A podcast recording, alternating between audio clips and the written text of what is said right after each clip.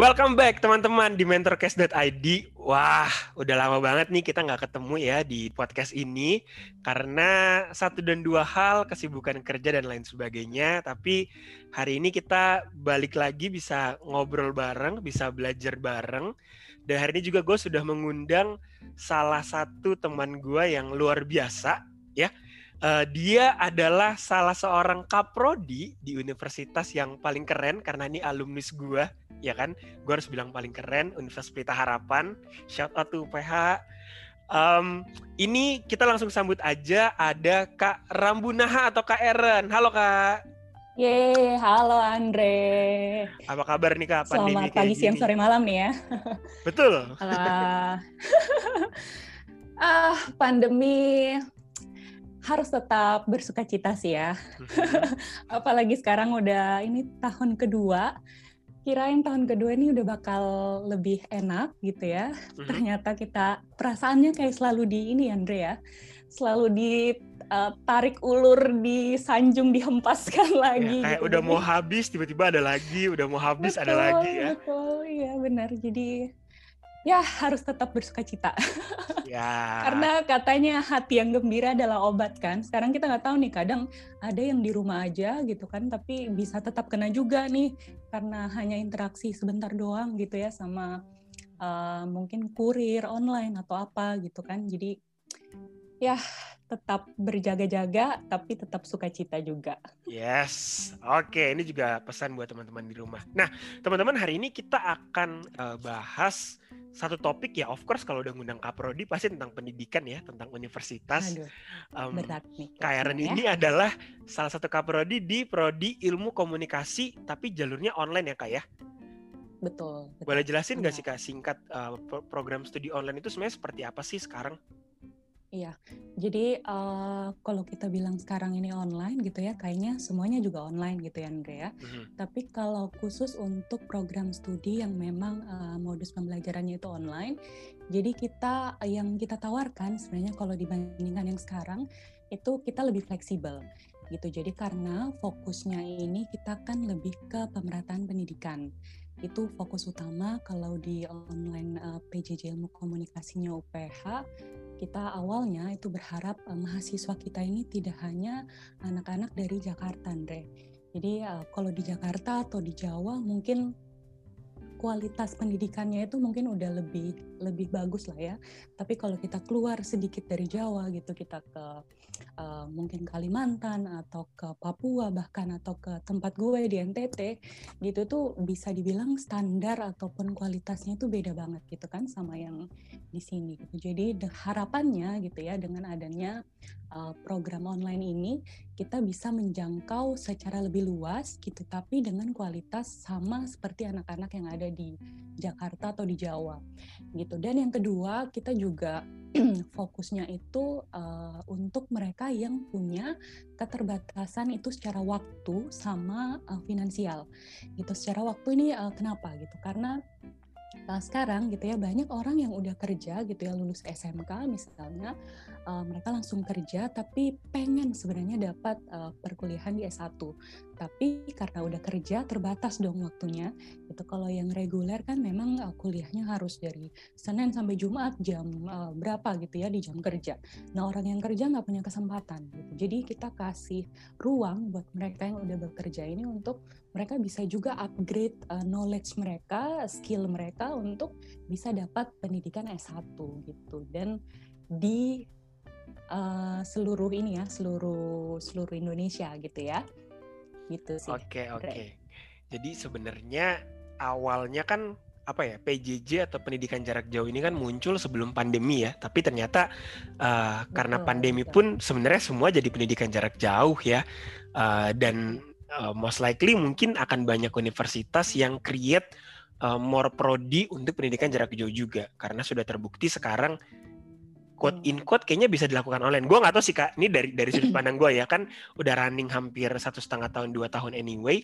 Uh, harusnya bisa nih kalau dibikin online. Tapi kalau dari sisi universitas sendiri nih, setelah menjalani uh, pasca pandemi ini, sistem pendidikan kita itu sebenarnya sudah melakukan perbaikan seperti apa aja sih sehingga bisa mengakomodir kebutuhan mahasiswa uh, di zaman pandemi seperti sekarang ini? Boleh boleh tahu nggak? Oh oke. Okay. Uh, kalau sekarang ya di uh, situasi pandemi ini yang pasti itu tenaga pendidiknya harus harus siap gitu Andre. Siap dengan perubahan, harus juga bisa upgrade uh, skill daripada tenaga pendidik. Karena sebenarnya kan kita ini proses pandemi ini kita kayak apa ya, bukan berevolusi ya, tapi berevolusi gitu. Jadi perubahannya tuh benar-benar cepat gitu dan sebenarnya kalau dibilang sekarang nggak ada yang siap gitu dengan dengan harus benar-benar migrasi dari uh, yang uh, tradisional konvensional ke uh, teknologi gitu ya. Kalau gue ingat dulu awal-awal tahun ketika pandemi datang gitu kan banyak dosen-dosen yang apa ya ibaratnya secara usia itu lebih uh, senior lah dari kita itu gelagapan Dre untuk bisa uh, ngajar mahasiswa. Secara kualitas wah jangan ditanya gitu ini profesor-profesor semua gitu tapi yeah, yeah. gimana caranya mereka harus bisa ngajar gitu ya ke mahasiswa yang mau nggak mau ini kita harus online gitu. Itu kan satu tantangan tersendiri ya untuk bisa uh, apa namanya jangkau mahasiswa ini jadi kalau uh, hal apa yang harus kita upgrade sekarang ini adalah menurut gue ya tenaga pendidik ini harus harus uh, apa ya seperti filosofi belajar kali ya. Jadi kita tuh harus terus setiap hari jadi pembelajar gitu. Jadi ya tenaga pendidik setiap hari itu harus upgrade kualitas, harus upgrade kemampuan bukan saja di knowledge jadi uh, jadinya, tapi juga di uh, gimana caranya kita bisa menjangkau mahasiswa itu tadi. Sekarang lewat apa? Lewat teknologi gitu. Dan uh, kampus gitu ya universitas itu harus bisa mewadahi hal itu. Menyiapkan platform menyiapkan fasilitas untuk bisa uh, terhubung dengan mahasiswa mahasiswinya gitu. Di samping juga uh, apa ya jadi tantangan juga ya Andre. Karena menurut gue sih kita uh, apa namanya tadi ya proses yang cepat ini kita tidak siap gitu dan kita terlalu terbiasa dengan interaksi yang apa-apa itu harus tatap muka gitu kan harus yang langsung.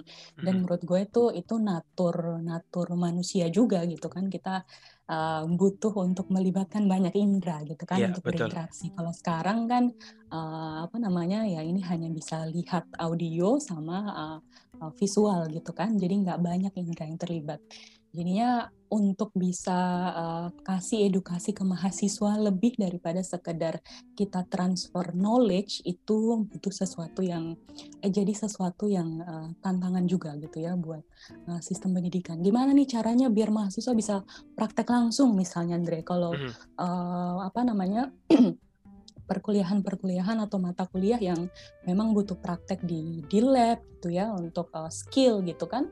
Nah, itu itu tantangan tersendiri Andre buat sekarang gitu. Jadi kita uh, ini uh, di khususnya pandemi ya. Jadi kita masih kalau gue bilang sih ya, masih cari formula yang paling tepat praktek itu perlu banget gitu. Karena mm-hmm. kita mau didik mahasiswa itu kan nggak cuman kita oke okay, kamu harus ngerti uh, konsep uh, ini uh, artinya apa gitu. Oke okay, mereka paham gitu. Tapi bicara tentang hal-hal praktis yang hal-hal yang untuk uh, meningkatkan skillnya mereka juga secara praktis itu jadi hal yang sulit. Gimana kalau misalnya anak ilmu komunikasi ada mata kuliah uh, produksi uh, media misalnya ya, hmm. gimana caranya untuk megang kamera gitu kan, untuk angle-angle uh, untuk kita uh, syuting gitu kan, itu butuh untuk mereka terlibat langsung ketemu dengan dosen. Nah ini yang sekarang uh, jadi satu tantangan gitu ya. Kecuali okay. kalau memang nanti udah mungkin lebih reda situasi pandeminya, kita bisa ke kampus, bisa uh, dengan uh, pembatasan tertentu ya. Gitu sih, Andre. Tapi kalau ngomongin yang tadi kayak yang barusan uh, kakak jelasin gitu ya, um, jadi tantangan yes, tapi sekarang di covernya seperti apakah kan nggak mungkin nih uh, hal itu nggak dilakukan anyway, karena kan bagian dari uh, skupnya mata kuliah, kurikulum yang kalau mereka nggak lakukan sebenarnya mereka akan miss something nih nanti ketika lulus dapat gelar tapi sebenarnya tidak pernah praktek dan jadinya tidak siap untuk masuk ke dunia kerjanya gitu. So I agree itu tantangan, tapi uh, sekarang kampus itu khususnya mungkin di tempat kakak covernya seperti apa jadinya? Uh, jadi gini, gue percaya ya dalam dalam setiap uh, kondisi, dalam setiap situasi, manusia itu selalu punya cara gitu untuk bisa beradaptasi supaya tetap survive, mm-hmm. gitu kan? Nah, termasuk juga uh, di uh, kondisi sekarang ini. Yang paling mungkin gitu ya kita lakukan dengan kondisi mahasiswa itu tidak bisa ke kampus, tidak bisa ketemu langsung adalah ini juga salah satu uh, keuntungan sebenarnya dari atau salah satu value dari uh, apa namanya pendidikan online ya uh, proses uh, pendidikan online yaitu namanya self study. Gitu. Jadi sebenarnya kita kalau kalau bicara online ini uh, pendidikan online kita tuh nggak bisa pakai kacamata uh, pengajaran konvensional. Hmm. itu artinya misalnya kalau kita dulu ya Andre kuliahnya uh, satu kali pertemuan itu misalnya ada dua jam gitu kan dua jam tuh kita di kelas gitu dengerin dosen kalau online uh, sehari misalnya ada tiga mata kuliah itu lu udah habisin enam jam gitu ya di kelas neger, uh, dengerin dosen kalau sekarang online lu di depan kamera gitu ya enam jam itu udah udah kayak apa ya kayak mata udah kayak merah-merah gitu kayak di film kartun gitu kan. Yeah, yeah. Jadi Jadi uh, formulasinya akhirnya gitu ya sebenarnya untuk program online ini kita tuh lebih banyak yang namanya self study. Jadi misalnya gini, dosen itu pada saat uh, perkuliahan itu kita hanya kasih uh, istilahnya stimulus gitu untuk mahasiswa belajar. Stimulusnya ini hanya benar-benar intisari dari uh, materi yang mau kita kasih di uh, hari ini gitu ya itu bisa 15-20 menit dosen ngajar gitu kan kalau kalau PJJ di gua nih gitu jadi uh, kita kan ngajar udah kasih video jadi mahasiswa uh, kapan aja tuh bisa lihat rekamannya kita nah itu hanya 15 menit gitu itu kan kalau kita bicara proses belajar itu terbatas banget kan kalau lu hanya uh, mengandalkan gitu ya penjelasan dari dosen. Hmm. Nah, setelah itu harusnya gitu ya mahasiswa uh, idealnya setelah mereka mendengarkan stimulus dari dosen, pengajaran dari dosen, mereka harus keluar dari situ untuk belajar sendiri. Sekarang uh, di, di, di digital ini kan kita udah bisa akses apa aja lewat internet. Mau baca buku, baca jurnal, itu udah bisa dari internet. Jadi kita yang harus uh, belajar sendiri, harus menemukan apa sih sebenarnya uh, maksud dari pengajaran dosen yang tadi hanya 15 menit. Gitu kan. Nah, kalau untuk praktek, ya sekarang yang jadi tantangan adalah dosen itu harus uh, bisa se untuk uh, mata kuliah-mata kuliah yang praktikum ya. Jadi harus bisa sedetail mungkin gitu ya menggunakan video untuk uh, menjelaskan uh, teknis-teknisnya mm-hmm. gitu. Nah, nanti mahasiswa yang akan melihat itu dan mempraktekkan sendiri gitu. Jadi dia kayak apa ya, kayak tutorial lah gitu Andre untuk lihat dosennya ngomong apa, terus dia harus bisa praktek sendiri karena uh, sekarang ini itu yang paling paling ideal gitu untuk dilakukan. Kalau kalau pandeminya udah rada-rada uh, berkurang, mungkin ya kita bisa uh, ke kampus gitu ya menggunakan lab yang ada di kampus gitu. Ini ini dari perspektif di di komunikasi ya. Aku nggak tahu kalau di mungkin yang lebih jurusan yang eksakta gitu yang harus campur-campur cairan ini itu nah itu mungkin uh, akan lebih punya tantangan tersendiri kali ya. Iya, iya, iya. Kalau masalah engagement Kak, kalau tadi kan kita ngomongin cara mengajarkan. Hmm. Cuman kan part of offline uh, education itu sebenarnya ada engagement antara dosen dengan mahasiswa terlepas mau di dalam kelas ataupun di luar kelas. Which itu sebenarnya yang bisa membantu dosen untuk bisa kasih value lebih lah ke seorang mahasiswa gitu ya. Nah sekarang dengan kondisi yang ada bahkan mungkin ada banyak dosen-dosen yang quote in quote sudah berumur gitu ya. Um, engagement itu dibangun dari cara apa nih kak jadinya dengan online kayak gini? Apakah ada satu grup yang setiap hari ada obrolan antara dosen sama mahasiswanya atau atau apa sih gitu? Nah kalau kalau di PJJ gitu kan kita satu mata kuliah atau satu semester itu kan rata-rata ada 16 sesi ya.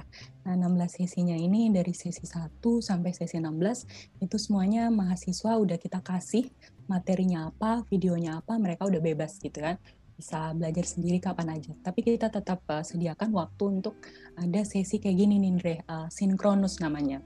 Jadi mahasiswa sama dosen ketemu uh, face to face tapi secara online. Nah itu yang kita jadikan uh, apa ya? Jadi media lah gitu ya. Jadi sarana untuk kita bisa bangun engagement sama mahasiswa.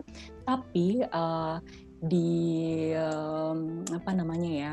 di platform untuk uh, kelas virtualnya sendiri gitu ya itu sudah didesain untuk memang di dalamnya itu mau nggak mau dosen dan mahasiswa harus terlibat interaksi.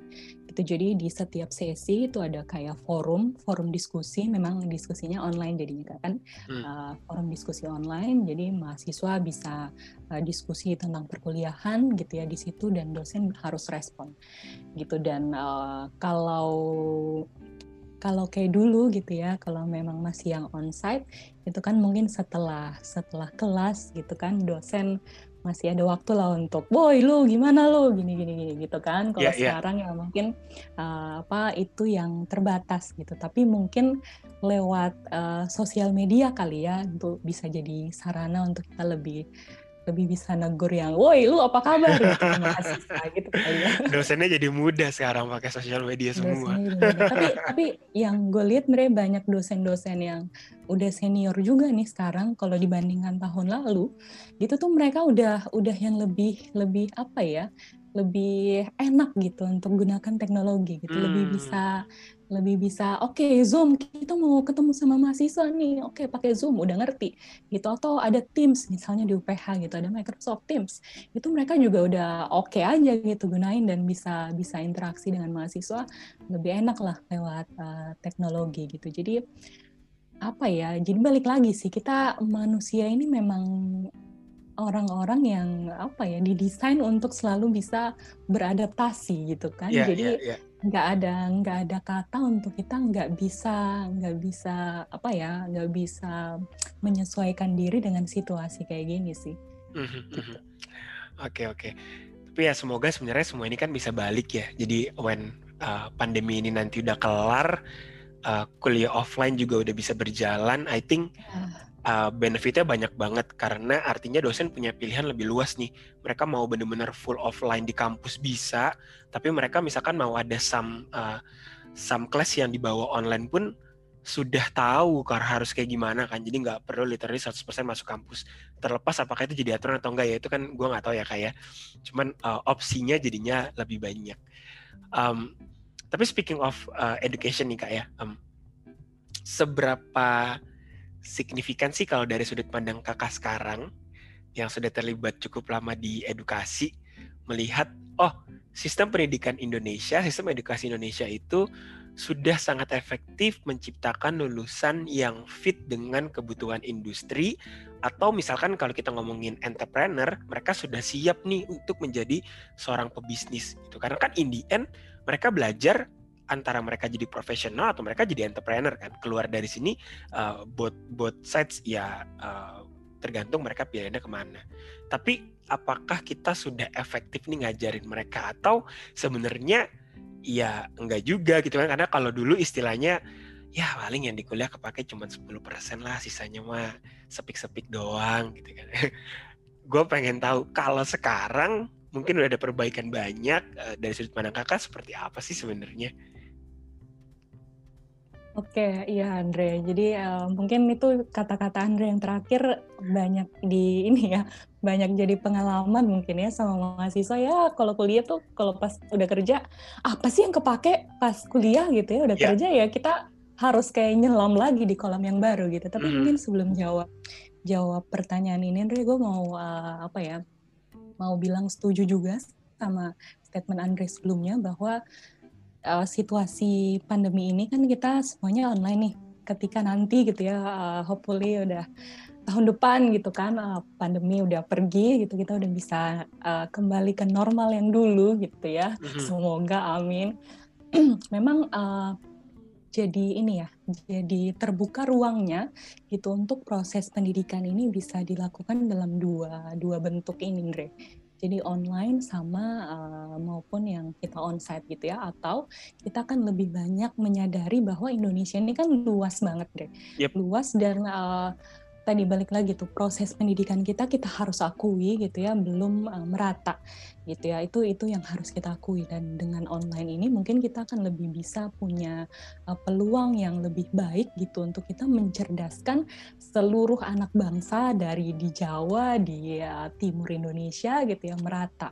Gitu itu yang itu yang mau gue uh, uh, harapan gitu ya yang harus kita sama-sama bisa realisasikan nanti kalau misalnya pandemi atau kita udah lebih bisa berdamai gitu ya dengan pandemi.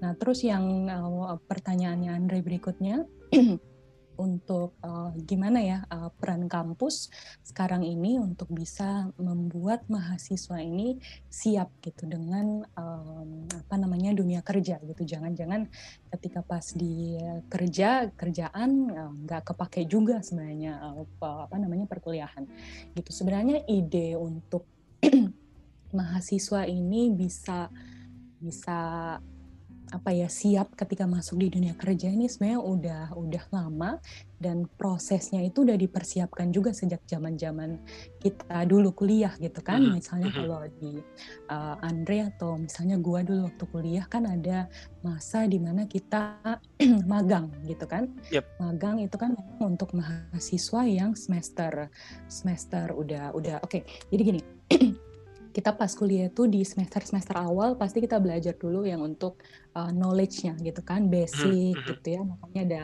mata kuliah pengantar gitu atau kita tahu dulu nih ilmu kita ini bicara tentang apa.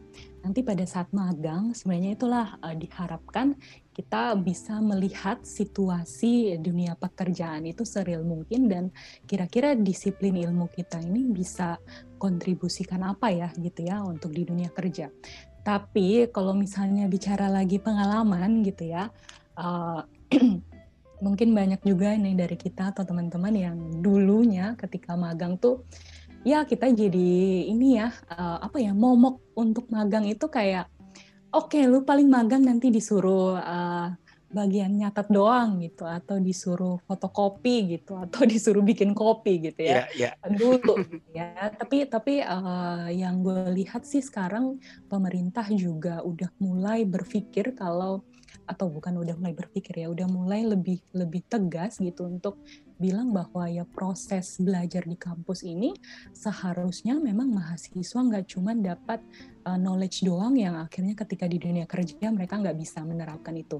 Gitu. Jadi kalau uh, mungkin Andre atau teman-teman juga udah sering dengar sekarang Mas Menteri itu menggalakkan program uh, MBKM Merdeka Belajar Kampus Merdeka gitu. Jadi eh, program ini tuh setiap universitas itu di, eh, dituntut atau di apa ya diharapkan gitu untuk bisa kasih ruang ke mahasiswa seluas-luasnya untuk mereka punya waktu yang cukup yang cukup dan maksimal gitu untuk bisa benar-benar belajar di industri. Nah, uh, kalau dulu kan kita uh, dari pemerintah tuh hanya ini kewajiban kampus gitu untuk bisa kasih mahasiswa uh, magang. Hmm. Kalau sekarang pemerintah udah mulai menggerakkan juga dari industri itu sendiri gitu. Jadi industri dan uh, perguruan tinggi ini sama-sama bekerja sama untuk bisa memikirkan. Misalnya gini, Andre di perusahaan A gitu ya dari uh, gua PJJ misalnya. Jadi kita ketemu dulu sebelum program magang ini untuk kita bahas uh, needs-nya industri itu apa, uh, apa yang diharapkan dari universitas untuk mahasiswanya belajar. Jadi kita matchingkan dulu sebelum kita kirim mahasiswa ke sana. Jadi ketika mahasiswa ini bekerja uh, di tadi proses magang ini ya, mereka akan benar-benar mengalami proses uh, belajar ya sebagaimana mereka karyawan gitu. Jadi mereka tidak diperlakukan lagi sebagai mahasiswa. Dan yang uh, dari program MBKM ini mahasiswa juga dikasih ruang yang seluas mungkin untuk bisa ikut pertukaran pelajar. Pemerintah itu kasih kesempatan yang banyak banget untuk kita bisa pertukaran pelajar baik di Indonesia, di mancanegara gitu kan. Terus juga Nah, sekarang uh, keunikannya lagi adalah kalau Andre misalnya kuliah di komunikasi, tapi kadang tuh kita pas lagi kuliah, kita lihat anak uh, sipil misalnya atau anak manajemen gitu. Eh kayaknya keren ya kuliah di sana ya gitu. Tapi kan kita komunikasi gitu jadi nggak bisa. Nah sekarang tuh ada kesempatan untuk kamu tuh bisa lihat uh, mata kuliah bisa ngambil mata kuliah itu dari program studi lain gitu. Jadi secara knowledge, secara skill kamu tuh dapat banyak dalam waktu empat tahun kamu kuliah gitu. Jadi kita harus terus ini ya, terus percaya sama pemerintah kalau menurut gue ya, percaya sama pemerintah dan mengikuti uh, banyak sih sebenarnya program-program yang baik yang dicanangkan ke depannya ini dan uh, hopefully memang untuk apa ya bisa menambah apa ya skill, menambah uh, kualitas daripada mahasiswa-mahasiswi kita. Gitu sih. Jadi sekarang banyak kok banyak cara gitu sebenarnya yang sudah diwadahi sama pemerintah juga universitas supaya mahasiswa ini nggak nggak hanya apa ya kalau dulu kayaknya di gue istilahnya kupu-kupu gitu. Mungkin masih ya sekarang ya. Kuliah pulang kuliah pulang gitu Gak tau gitu sih gue udah udah gak di kampus. uh, Oke okay, kak, cita-cita lu untuk sistem pendidikan Indonesia tuh sebenarnya ke arah mana sih kak? Maksudnya harapannya itu, oh bisa sampai di posisi ini nih, bisa seperti negara ini nih atau apa gitu? Hmm. Uh, kalau gue ya sekarang ya, karena gue banyak di uh, sekarang ini pengalaman terbesar gue ngajar kan memang online ya maksudnya bukan karena pandemi tapi gue di sistem pendidikan online gitu yang daring yang fleksibel tadi gitu. Jadi gue banyak melihat gini Andre memang uh, mungkin ini akan banyak gue mention ya dari awal pemerataan pendidikan sih gitu. Jadi gue banyak lihat uh, dan gue juga datang kan dari uh, latar belakang gue bukan lah uh, apa ya bukan ikut pendidikan atau proses pendidikan di Jawa gitu. Gue hmm. dari timur Indonesia. Itu jadi gue memang banyak melihat ya fakta kondisi bahwa sistem pendidikan kita ini nggak merata gitu. Jadi uh, salah satu ketika gue masuk di uh, PJJ gitu ya, gue ngajar kayak lihat sistem pendidikan online ini tuh kayak lihat apa ya? Lihat uh, emas mungkin ya. Jadi mm-hmm, mm-hmm. kayak ini ini hal yang baik sekali gitu untuk uh, kondisi di negara kita gitu kan uh, dari dari zaman dulu lah kita tahu pemerataan pembangunan pendidikan itu tidak merata. Jadi gue berharap gitu ya uh, proses kita ada di situasi pandemi ini juga jadi proses kita belajar untuk bisa melihat sistem pendidikan kita ini harus kita tingkatkan dan harus kita sama ratakan antara yang ada di Pulau Jawa sama yang ada di uh, pulau-pulau lain yang ada di Indonesia. Tapi PR kita adalah pertama tenaga pendidik uh, tenaga pendidik kita itu harus siap sama teknologi. Mhm. Harus harus harus mau untuk uh, keluar dari zona nyaman gitu karena ya yep. dulu kita hanya ada di kelas gitu ya ngajar ketika pandemi itu banyak banget uh, tenaga pendidik yang kewalahan atau yang aduh ini apa ya susah gitu. Nggak mau nggak mau belajar akhirnya. Akhirnya ya anak-anaknya juga nggak nggak mendapat yang maksimal. Itu padahal kalau kita mau lihat teknologi ini sebagai satu apa ya satu peluang yang baik kita bisa manfaatkan itu tadi Indri untuk pemerataan pendidikan ini gitu. Tapi ya itu PR-nya kita harus harus mau keluar nih dari zona nyaman, harus mau jadi benar-benar pembelajar gitu kan, pembelajar setiap saat. Jadi bukan cuma kita ngajar, kita juga belajar lihat cara-cara apa nih yang bisa kita pakai untuk menjangkau mahasiswa. Terus yang berikutnya adalah di uh, PR kita adalah di apa ya fasilitas gitu atau sarana eh, PR kita bersama ya eh, pemerintah juga gitu. Jadi kalau sekarang kan ini udah udah online gitu ya kayak sekarang kita pakai Zoom tapi banyak juga nih di kayak di daerah gue Andre di Sumba uh-huh. itu uh, pandemi tapi anak-anak akhirnya nggak masuk sekolah gitu. Karena apa? Karena ya jaringan internet itu terbatas gitu. Jadi mereka benar-benar lost aja nggak ada online dan sebagainya gitu jadi kalau misalnya kita bisa bisa apa ya bisa beresin PR-PR ini, gue rasa akan sangat uh, baik sekali gitu untuk itu bisa capai tadi itu pemerataan pendidikan. Gitu sih. Itu ya, itu ya. itu satu hal yang penting gitu. Karena ada di undang-undang kita juga kan kita mencerdaskan kehidupan bangsa kehidupan itu bangsa. bukan bukan cuman uh, milik anak-anak segelintir aja gitu. Tapi harusnya dari Sabang sampai Merauke gitu Yep. Itu sih. Memang artinya perlu banyak guru juga ya, karena kita nggak kita kan nggak tahu nih jaringan itu akan akan ada kapan. Masa itu itu partnya ya quote in quote pemerintah lah swasta yang yang memang harus bisa memberikan infrastruktur itu. Tapi terlepas dari itu dan mungkin menunggu sampai waktu itu terjadi gitu ya, tenaga pengajar kita juga perlu diperbanyak dan tenaga pengajar memang benar-benar mau masuk ke pedalaman gitu, bukan bukan pengajar yang cuma mengajar di kota kan uh, I guess itu yang jadi tantangannya kita juga. Seberapa banyak sih orang-orang yang memang mau jadi guru which is itu udah udah poin plus gitu. Karena jarang juga zaman sekarang orang mau jadi guru jadi dosen. Dan seberapa banyak dari mereka yang mau jadi guru jadi dosen tuh mau untuk masuk ke dalam pedalaman yang memang belum terjamah. Um, ya that kind of thing yang yang yang gue rasa juga uh, harus diperhatikan sama orang-orang atau kita kita atau teman-teman yang dengar gitu ya yang mungkin tertarik untuk jadi guru mungkin bisa refleks apakah lu terpanggil untuk membantu pendidikan di daerah terpencil atau tidak gitu ya sambil menunggu teknologi maju dan ya kita bisa lebih variatif dalam uh, memberikan edukasi. Oke, okay. so uh, thank you Karen. Um, any any apa ya um, suggestion atau motivation atau apa pun itu untuk orang-orang yang mungkin tertarik menjadi seorang guru atau dosen tapi masih uh, berpikir mungkin secara gaji, secara karir atau secara apa gitu kan?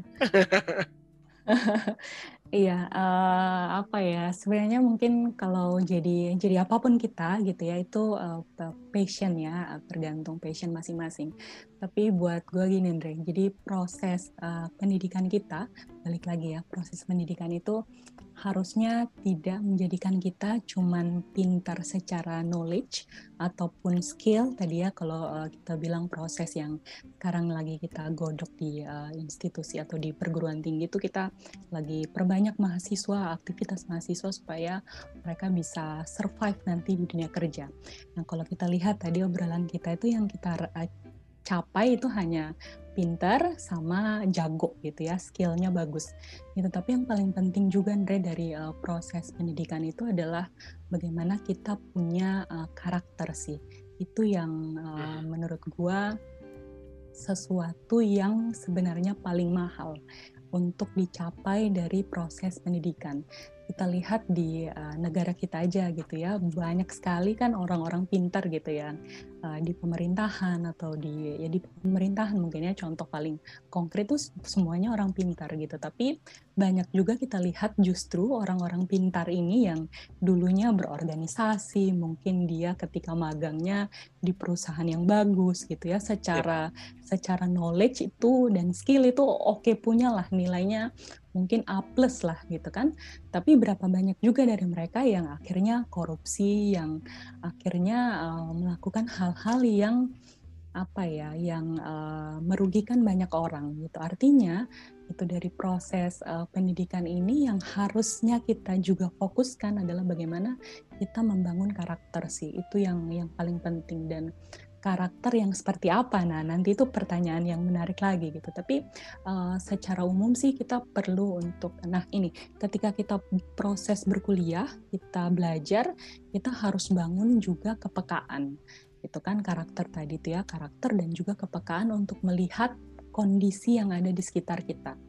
Uh, jadi ketika kita lulus, kita tuh nggak hanya bekerja untuk kita dapat gaji, untuk kita uh, nyaman gitu, tapi bagaimana dengan knowledge yang kita miliki, dengan uh, uh, skill yang kita miliki itu kita bisa pakai untuk apa ya mensejahterakan orang-orang di sekitar kita, masyarakat kita. Nah itu yang itu nilai yang menurut gue ya paling luhur dari proses pendidikan. Jadi kita kalau hanya belajar untuk dapat knowledge ataupun pengetahuan, menurut gue nih pribadi itu itu proses yang paling cetek dari proses pendidikan. Uh-huh. Tapi ketika lu bisa sampai pada level wise, bijaksana, lu menggunakan ilmu lu, uh, skill lu dengan baik uh, untuk bisa mensejahterakan banyak orang, untuk bisa jadi berkat, jadi dampak. Nah itu itu proses yang paling luhur menurut gue dari satu proses pendidikan gitu. Jadi uh, karakter, skill, knowledge itu harus jadi satu paket yang uh, komplit yang harus dimiliki sama seorang sarjana ya menurut gue gitu. gitu teman-teman. Jadi dengan knowledge yang kita miliki, dengan uh, kepintaran yang kita miliki, jangan lupa untuk punya hati gitu. Gitu sih. Oke, okay, thank you Kak Eren untuk sharingnya. Um, so that's it teman-teman hari ini. Uh, pembahasan singkat kita tentang uh, sistem pendidikan Indonesia, tentang kehidupan dosen pasca pandemi juga gitu ya. Uh, dan hopefully teman-teman bisa get something lah dari obrolan kita pada hari ini. Uh, dan kalau teman-teman masih mau tanya tanya-tanya mungkin tertarik untuk lebih tahu lebih dalam terutama tentang PJJ Ilkom UPH, eh, langsung saja kontak Karen di Instagramnya cari aja Rambunaha atau langsung datang ke UPH tanya aja mana yang namanya Karen gitu ya. Promosi ya jadinya ya. Oke deh kalau gitu teman-teman thank you. Uh, sampai ketemu lagi di podcast-podcast selanjutnya. And hopefully kita bisa selalu menginspirasi teman-teman dan jangan takut karena kita juga ini lewat Zoom. So kita tetap stay on protokol. Kalau gitu gua Andre dan Karen kita pamit. Bye bye.